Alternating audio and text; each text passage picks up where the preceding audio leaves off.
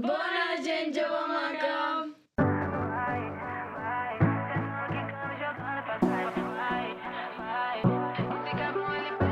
Detrás del humo no se ve, no, no se ve. Acerquémonos un poquito que te quiero conocer. Te lo muevo en HD. un dia més, un dia menys, setè capítol i setè capítol amb convidador. Hola. Me aplaudo a mi misma. Bueno, presenta't, qui ets? Soc Laura Bruno, soc de Santa Coloma i tinc la mateixa edat que l'Ester i no sé si és la vostra, la veritat. també. Filla de Caral. Eso. Té 19 anys. 19 Com estàs, anys. Laura? Estic bastant cansada avui, però bueno, no passa res, vinc amb energia. Quedaremos. Vosaltres com aneu? Com esteu? Bé, Bueno, bé, sí. Què va fer? Seguimos aquí. què vas a dir de mi? En fi. Molt bé. Va bé. Molt Molt bé, no? Estem Sí, molt bé, molt bé. estem cansades, però amb ganes de D'aquest capítol. Sempre hi ha ganes de parlar. Sí. Avui tocarem un tema... Bueno, espera. Que m'avanço massa. Que bé. Vale. T'agrada el lloc? Sí, Què està penses? xulo. Bueno, és que si us soc sincera, l'únic en l'únic que m'he fixat ha sigut amb el post de The Weeknd i llavors he mirat la Taylor Swift. I en plan, amb The Weeknd, sí, però és que Mm. tinc un amor especial en The Weeknd i quan li he vist la cara ha sigut com uau. I m'ha intentat, m'ha costat concentrar-me, saps? Ha sigut com... Ha sigut safe place de cop, no? Sí, sí, exacte. És que no sé, Doncs que m'encanta. I tot l'altre està súper.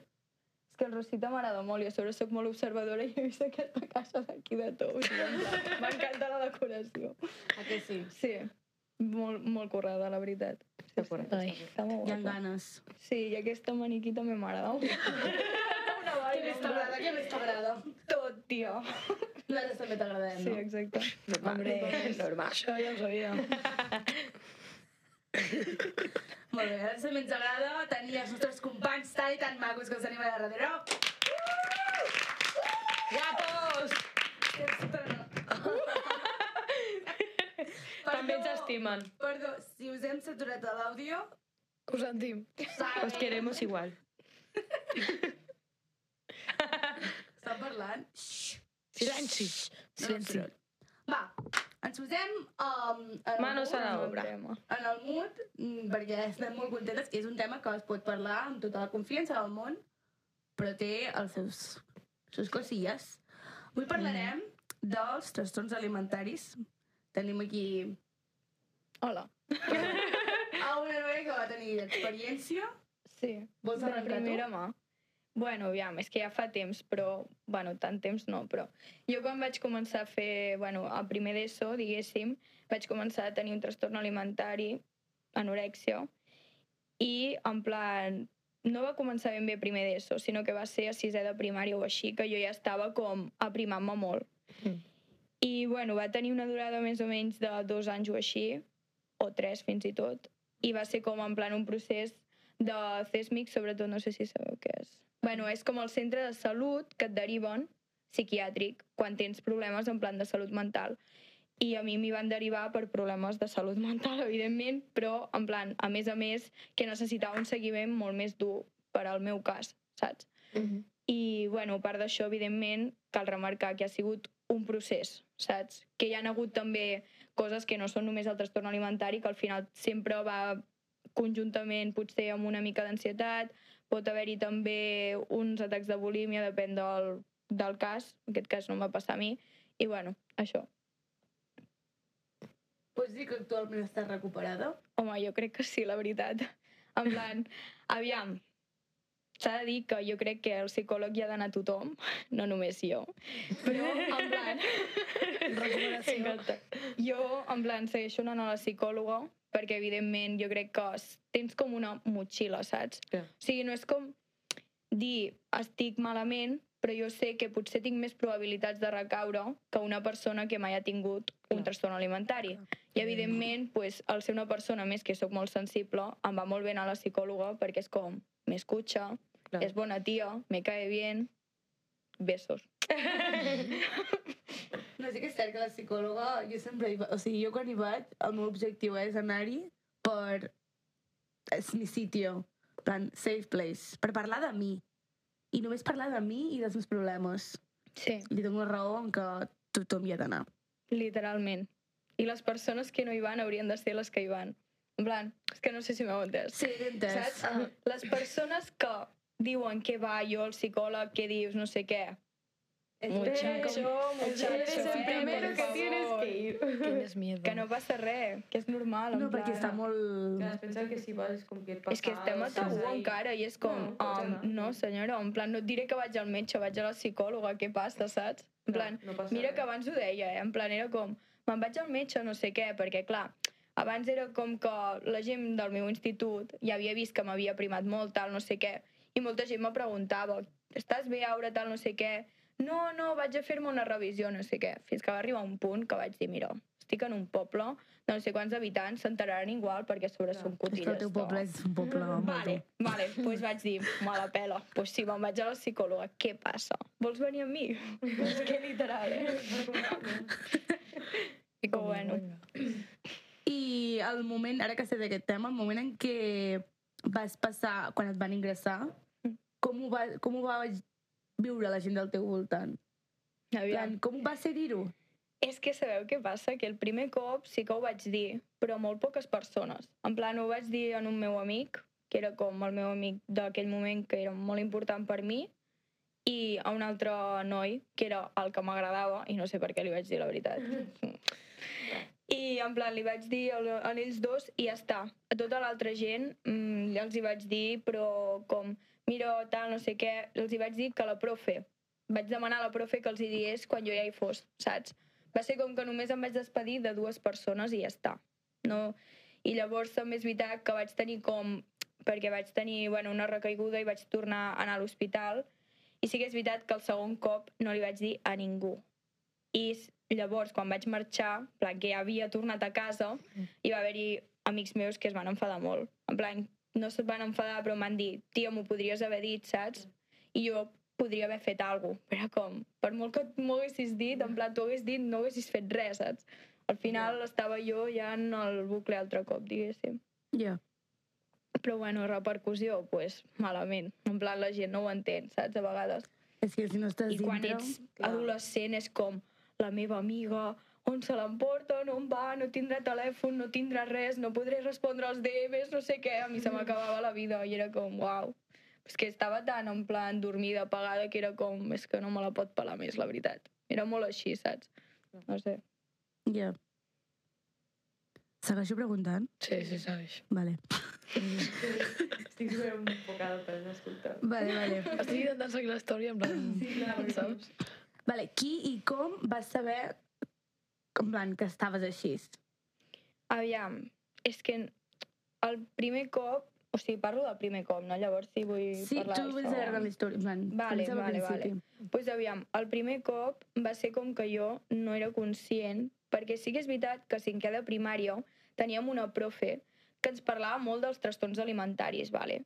i ens ho parlava però com si fos un pecat. Rotllo, cuidado amb els trastorns alimentaris, no sé què, us passarà segur algú de vosaltres, fatal, deixareu de menjar, teniu la probabilitat de morir, en plan, ens ho posava al cap, però que tenia por, saps jo? Jo crec que inconscientment jo potser ho estava visquent, però no ho volia acceptar perquè tenia por, saps? De dir, i si me passa alguna no sé què. Era com tot molt... És que ho recordo molt, a part de que se m'ha borrat bastant de la memòria, que això és veritat, ho recordo com un moment molt espès, saps? Ja. Que no ho entenia. I clar, al final jo no m'ho veia, saps? Era com que jo pensava, vale, sí, me n'adono que estic deixant de menjar, però tampoc crec que tingui anorèxia, saps? Jo no en tinc, això no, no va amb mi, saps? I llavors sí que és veritat que vaig tardar molt en reaccionar. I va ser ben bé la meva mare, que va ser com que va dir mm, t'has aprimat massa. O sigui, ja no és tema de creixement, perquè clar, de sisè primer d'ESO fas la típica estirada de que, jo què sé, també Clar, fas és la pubertat, són uns tot. anys que... De canvi. En plan, que que són uns anys que es poden confondre. A més, jo sempre he sigut una tia que he fet molt d'esport i era com, potser ara s'ha primat i ja està.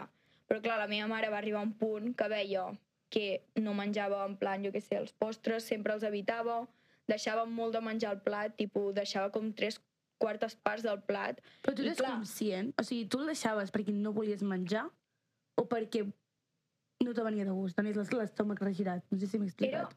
era més un tema de... És que sé que sonarà raro, però era com un tema de que cada cop anava més, saps? Rotllo, jo què sé, primer començava per un quart del plat, llavors, quan va passar un mes... conscient? Sí, jo era conscient que deixava aquella quart del, del plat.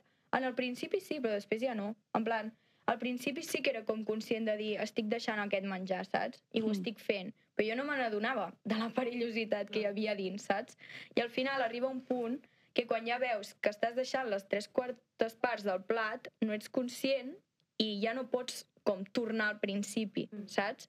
I realment em passava més això, saps? De no poder com tornar al principi. I per molt que jo tingués gana, perquè també, en veritat, no és com he deixo de tenir gana, mmm, no sé què, no, no, jo tenia gana, saps? Mhm. Però com que era incapaç. Era, estava en un moment de no puc, no puc fer-ho solo, no puc menjar solo, en plan, no sóc capaç. Només sóc capaç de fer el que he fet fins ara, saps? Com molt, un pensament molt estricte.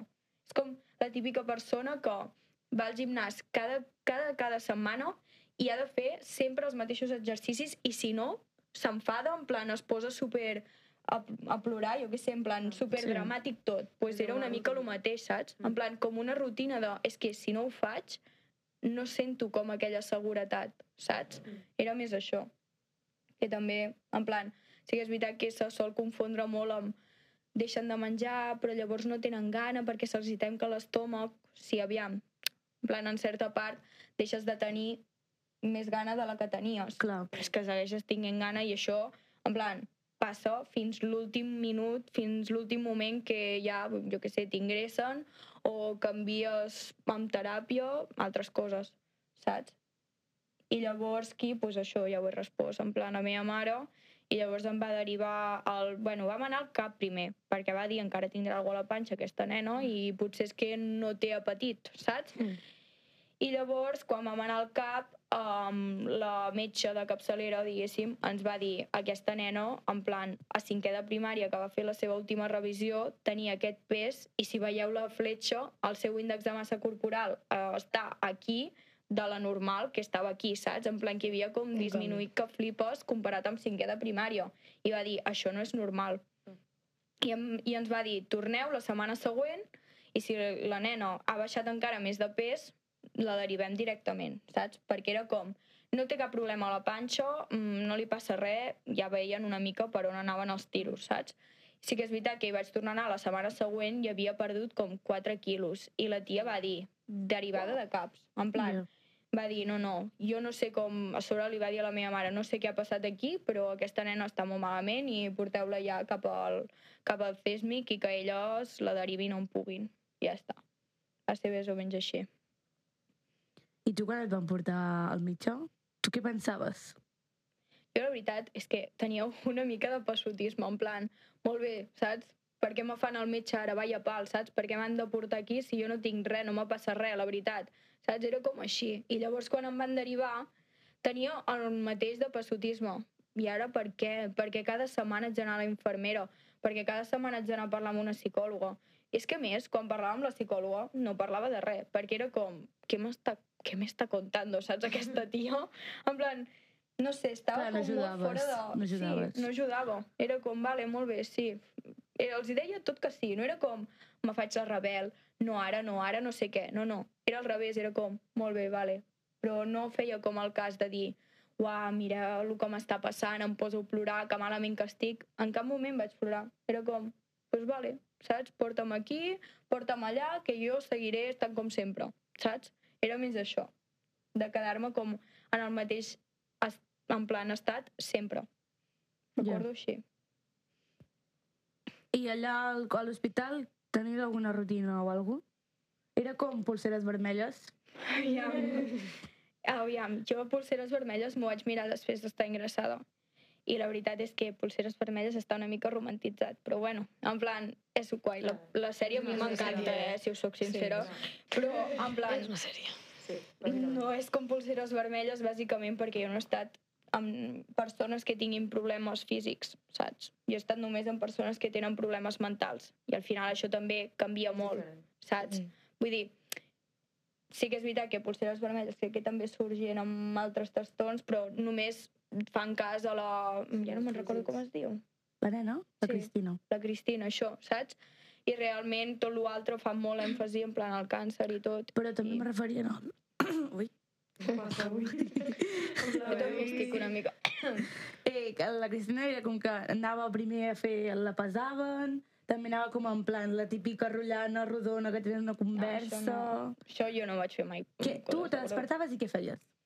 Jo me despertava i ens donaven com mitja hora per dutxar-nos, tal, no sé què, preparar-nos, i llavors anàvem directes a esmorzar. Què passa? Que hi havia com tres dies, crec que eren a la setmana, que ens havíem de pesar, saps?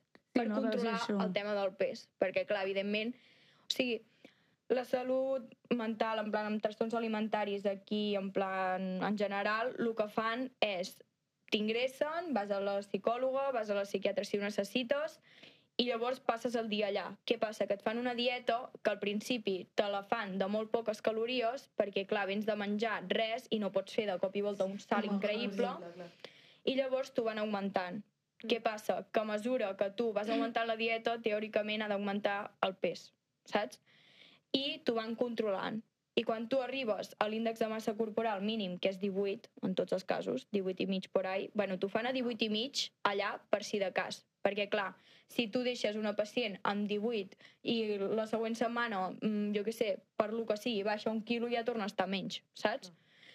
I, en plan, et feien això. Què passa? Que quan tu arribaves als 18 i mig ja te les feien una mica com per, bueno, adeu, ja està, s'ha acabat la teràpia, bon dia, marxa, saps? Era bàsicament això.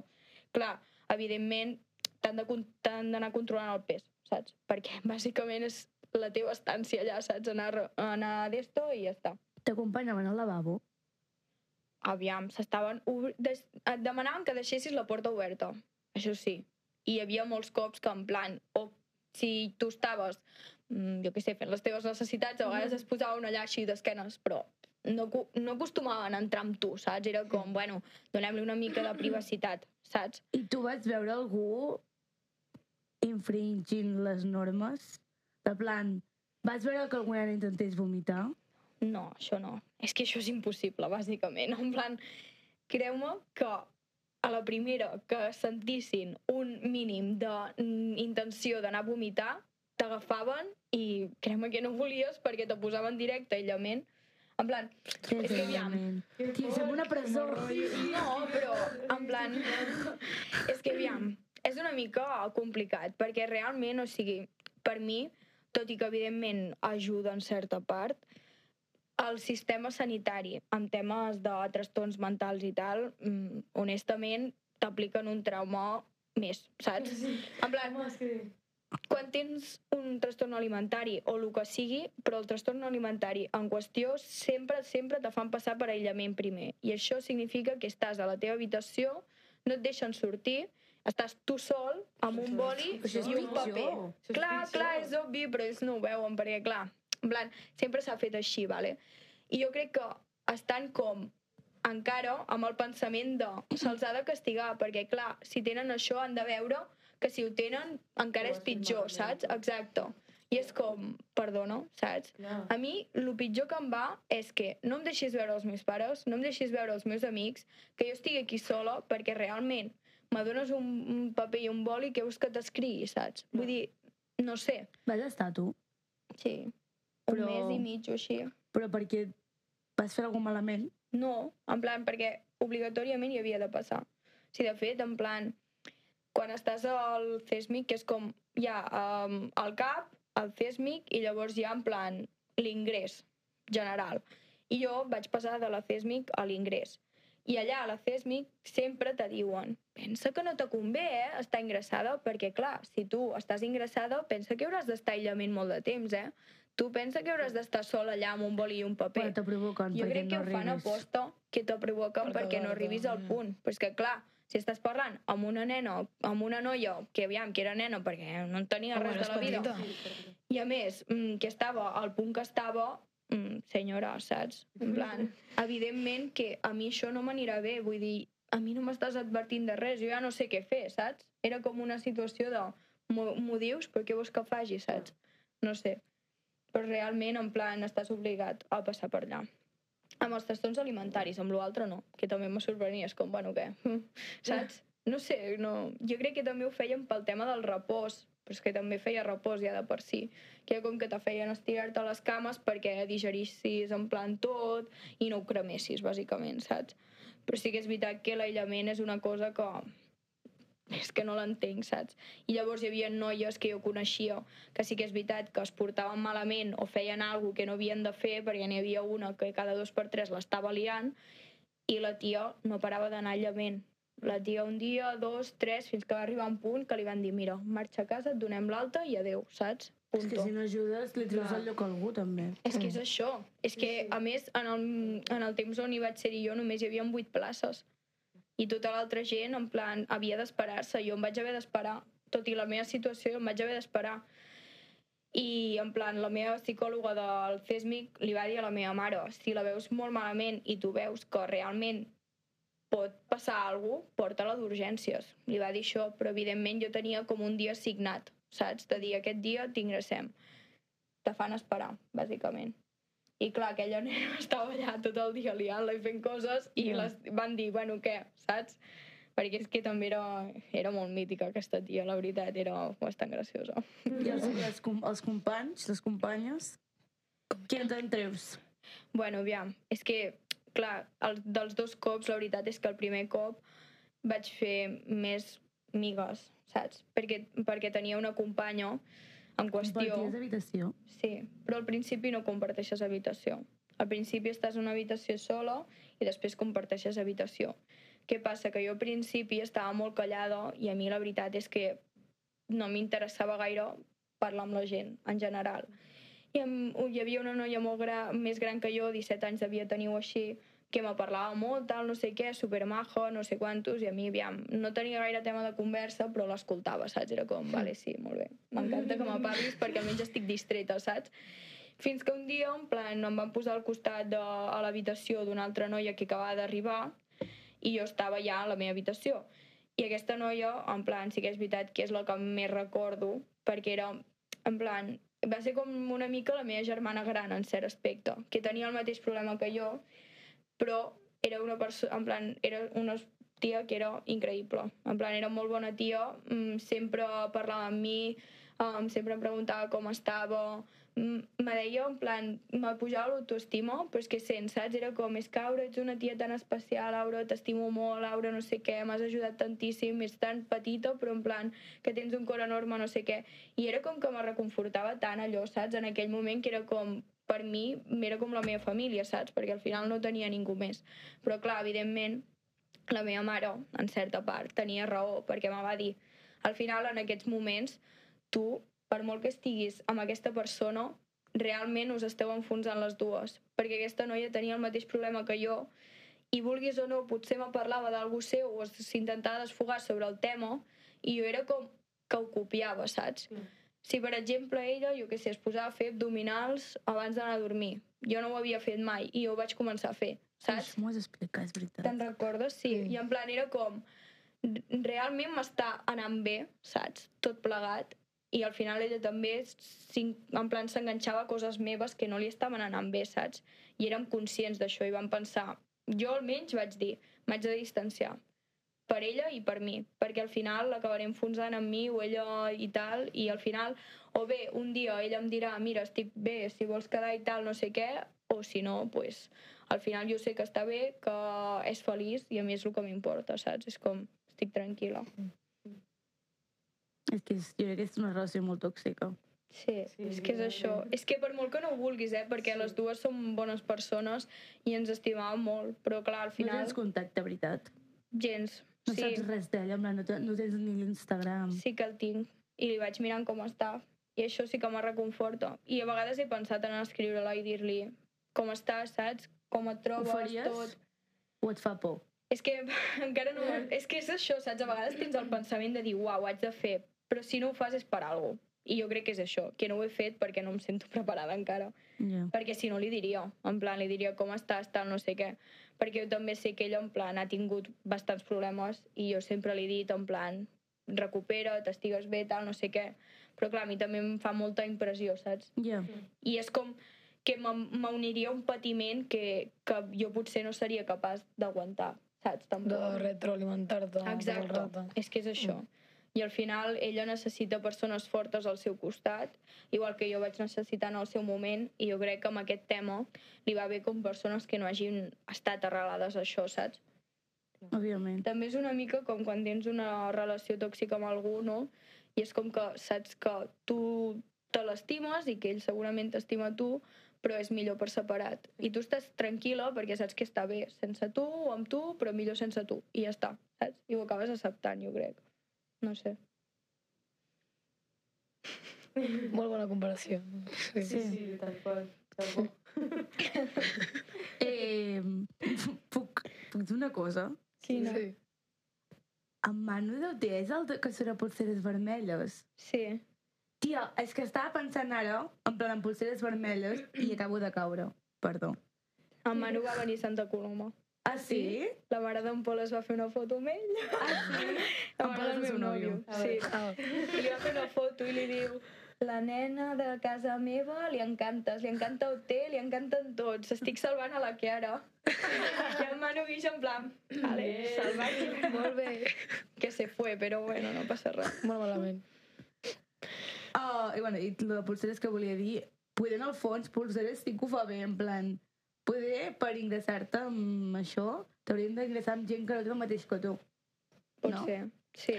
És que saps què passa? Amb això sí que ho van fer bé, ho vaig pensar, vaig dir, mira, estan aquí tots barrejats, això és veritat, saps? Home, Sí, en hi certa ha part sí. moment que crec que en Lleó tipus, li fa com referència als problemes que té ell, en plan, tia, no estàs valorant això que tu tens, o sigui que Sí. jo no tinc. Sí. Clar, és com que, te juro que... És que té lo... Sí, té lo bo i lo dolent, això, Sí, saps? claro. Jo crec que...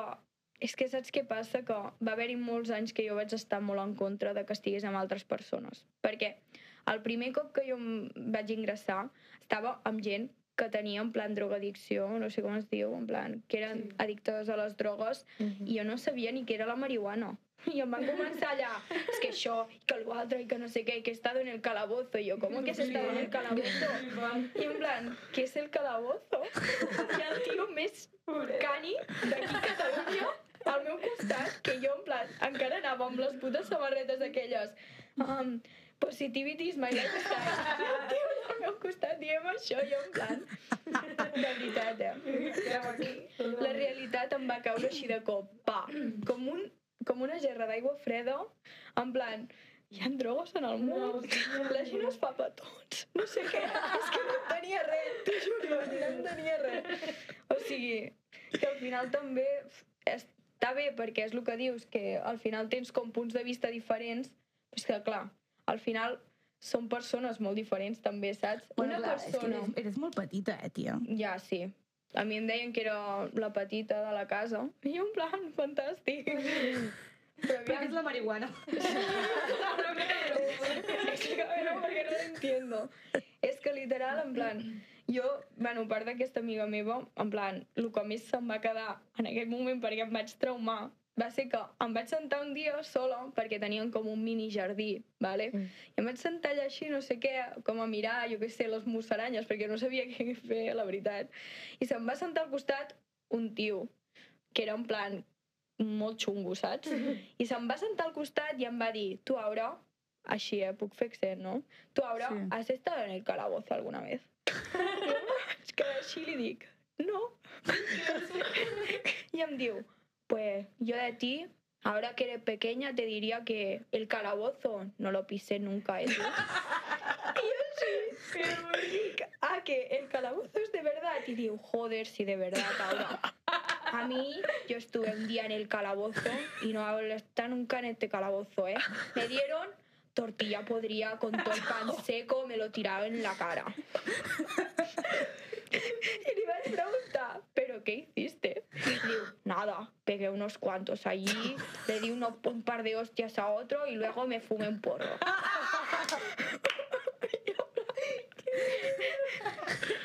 De veritat, o sigui, imagineu-vos jo que no sabia res i jo em vaig quedar en plan, no, no pot ser. I ara qui li dic, jo parlant amb les auxiliars, però què nena ha fet això, no sé què, no sé quant. I ella en plan, Aura, tranquil·la, que no farà res. I en plan, quan me tornin a deixar sola amb aquest noi, és que no,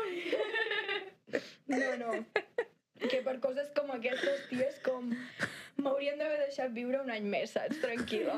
En plan del chill, saps? Perquè, clar, llavors deien, esta se ha liado con el otro. I jo, liar de què? Què és això, saps? No Se liaven entre, entre ells allà. Hi havia unes tonteries. Hi havia una tia, me'n recordo molt d'ella, perquè en plan era una tia que era... És que no sé com dir-ho, no? Una mica choni, ¿vale? Era una tia que era choni, tal, no sé què, garrula, així, un poco del rollo. I bueno, li encantava un cani d'allà. Què passa? Que el cani d'allà no li agradava aquesta tia, estava enamorat de mi. La tia que anava amb unicornios. I la tia, Hòstia i la tia, en plan, es va com enfadar amb mi quan jo literalment no m'enterava de res i el tio, en plan, es veu que m'anava com darrere. I es van començar a inventar que estàvamos liados, i jo, liados de què? I fins i tot em va venir una infermera a dir-me saps que no et pots fer petons, no? No sé què, no sé quantos, i jo però què beso i què beso? Perquè jo no he fet res. Tia, què cojones? I llavors, en plan, crec que aquests dos van seguir junts uh, quan estaven en plan fora, perquè jo els seguia, saps? Perquè era lo típic, pedidme instas, no sé què, no sé cuántos, que luego os, os mandaré solicitud, i jo, sí, ja. I en plan, es van fer com nòvios o alguna així, perquè es comentaven les fotos en plan, eh, no sé què, i és com... Uf. El amor surgió. Quan menys esperes. Fins fa poc el seguien aquest tio del calabozo encara, fins que un- m'arriba un punt que dic, és Quants que... anys tenia... Però quants anys es portàveu? Eh, jo devia tenir com 13 anys, 12, Sí, i ell 13. què? I ell en tenia 16 o així. Era super il·legal, eh? En plan, s'havia enamorat d'una petita. És que sobre jo era petitíssima, tia. Tenia la cara de bebè encara, saps? Imagina't. Miedo. Miedo, No, no, és miedo. que se portaven uns... És que sobre jo no tenia ni temps per pensar això, saps? I era com, quin pal, en plan, què esteu fent, saps? No en tenia res, jo, en veritat. Estava molt empanada. Hi havia un noi que era molt maco, en plan, que li encantaven els dinosaures i també estava com enamorat d'un altre. Però sí que és veritat que los romances s'acabaven ràpido. Perquè, clar, els auxiliars els hi anaven i els hi deien no, és que això no sé què, no sé quantos, això no ho podeu fer, tal. I ja està. I era com... No hi havia com el típic cotillo, era, era en plan... Aquest està enamorat de tal, aviam si, si fan alguna i com que no feien res, era com, bé, no es la pela. Hi havia gent en plan també que era molt en plan seva, saps? I que tampoc... Hi havia un tio, me'n recordo, que en plan que teníem com un radiocasset, saps? I es posava, en plan, tota la tarda davant del radiocasset així, a escoltar música clàssica. Clar, jo un dia, a part de que sóc una mica mm, mita, vaig entrar, li vaig tocar així, fa, i li dic, per què escoltes tota la tarda música clàssica? Que t'agrada molt? I el tio em fa així, se gira i segueix escoltant la música. I Jo, Que miedo. vale. Ok. Era com, ok. Després es va fer amic meu. Després, em parlava una mica. Bueno, tot Però un ràdio Vaig ser molt pesada, molt Música pesada. clàssica. I estava cada dia, per què no em parles? Per què no em parles? Que et cau mal, mal, malament la gent d'aquí? Què t'he fet? Què t'he fet? I el tio, Aura, pots callar, si us plau? No sé, m'ho deia, eh? L'únic que me deia era això. I jo, pues vale. Que boli colero, tio. T'ho juro, és que era... Aquest tio era, era molt mito, la veritat. Però bueno, ja no me'n recordo d'ell, ni de la seva cara. Només de que escoltava música clàssica. en fi. Molt bé. Sí que, bueno, poder hi ha molta pressió. Si haguessis de posar un títol ara mateix d'aquella època, com li diries?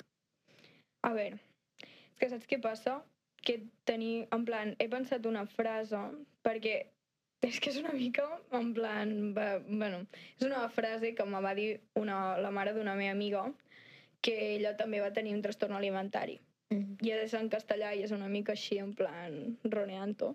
Però bueno, en plan, és bàsicament mm, levanta la. No, levanta la cabeza reina que se te cae la corona.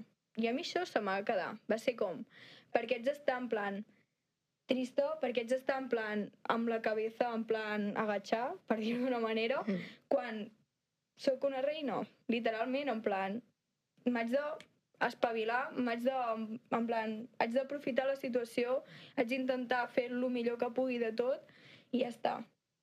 I era com, quan pitjor estigui, menys seré jo, menys, més perdré la meva essència i al final és el que m'importava, no? El que era per dins. I al final, t'ho juro que se me va quedar, eh? La veritat és que sí. Home, volés poder. Sí, a vegades sí, a vegades no, depèn. A vegades s'ha d'esforçar una mica més. Exacte. Al final és esforçar-te una mica més i sobretot prioritzar. És que al final, si sóc sincera, en plan, fins fa poc, en plan, jo què sé, quan feia segon de batxillerat o així, realment no vaig aprendre a valorar que és molt més important ser com sóc ara que no pas estar pagada com estava abans, saps? I no és tant com, uah, és que clar, estic prima, no estic prima. És com, què t'importa més? Veure't bé en un mirall que per molt que et vegis bé un dia, el següent dia si tens la regla et veuràs com el cul, o en plan, potser no veure't tan bé com t'agradaria veure't, però en plan, irradiar energia, irradiar luz, en plan, que flipes, saps? Bueno, pues això, Se nos come el tiempo. Se nos come el tiempo. Se lo está consumiendo ya. Secció lúdica? Vinga, va. Vinga, Vinga, va. va. Vinga. Vale. Porto de secció lúdica cinc coses sobre els petons que segurament mai t'han explicat i després preguntes ràpides sobre petons. Dale. El 75% de les persones inclinen el coll cap al cantó dret quan fan un petó. Tu també? Sí, Sí. Dret? i així, raríssim. Bueno, també Jo la posició que estiguis, però no sé. Jo l'esquerra, crec. Jo dreta. Jo dreta. Tia, està 100% en plan, a la dreta hi ha moltíssima gent. De fet, una amiga meva que fa relacions públiques li van dir a la classe que el 50% fan així. I quasi tothom. Eres la... Ets rara, Esther. ho sento. A veure, tot, eh? Amb cada petó que ens amb algú, alliberem adrenalina i endorfines. Això fa que s'acceleri el ritme cardíac i combat la depressió i el mal humor. Okay. Con muchos això, besos. això ho estudiem a psicologia, no som. Ah, sí? Ara llavors ve la de psicovia i diu que sapigueu que tot això, molt bé, molt bé, molt bé, però tots són bacteris, tots són merdes, no sé què, no sé quantos. Escarós. Vale. Si fas un petó més llarg de 10 minuts, um, és com gairebé fer esport i es poden cremar fins a 150 calories. calories. Tot depèn del petó. Bueno, I la el passió. gym pa què, no?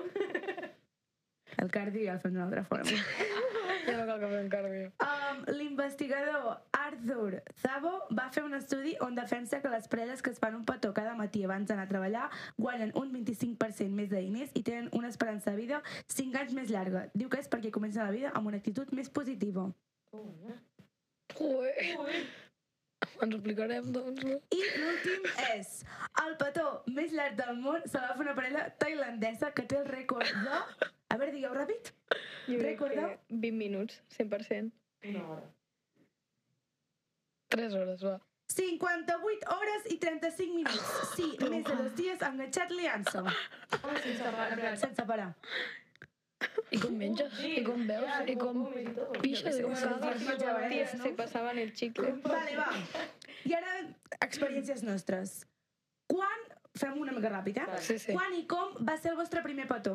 Qui comença?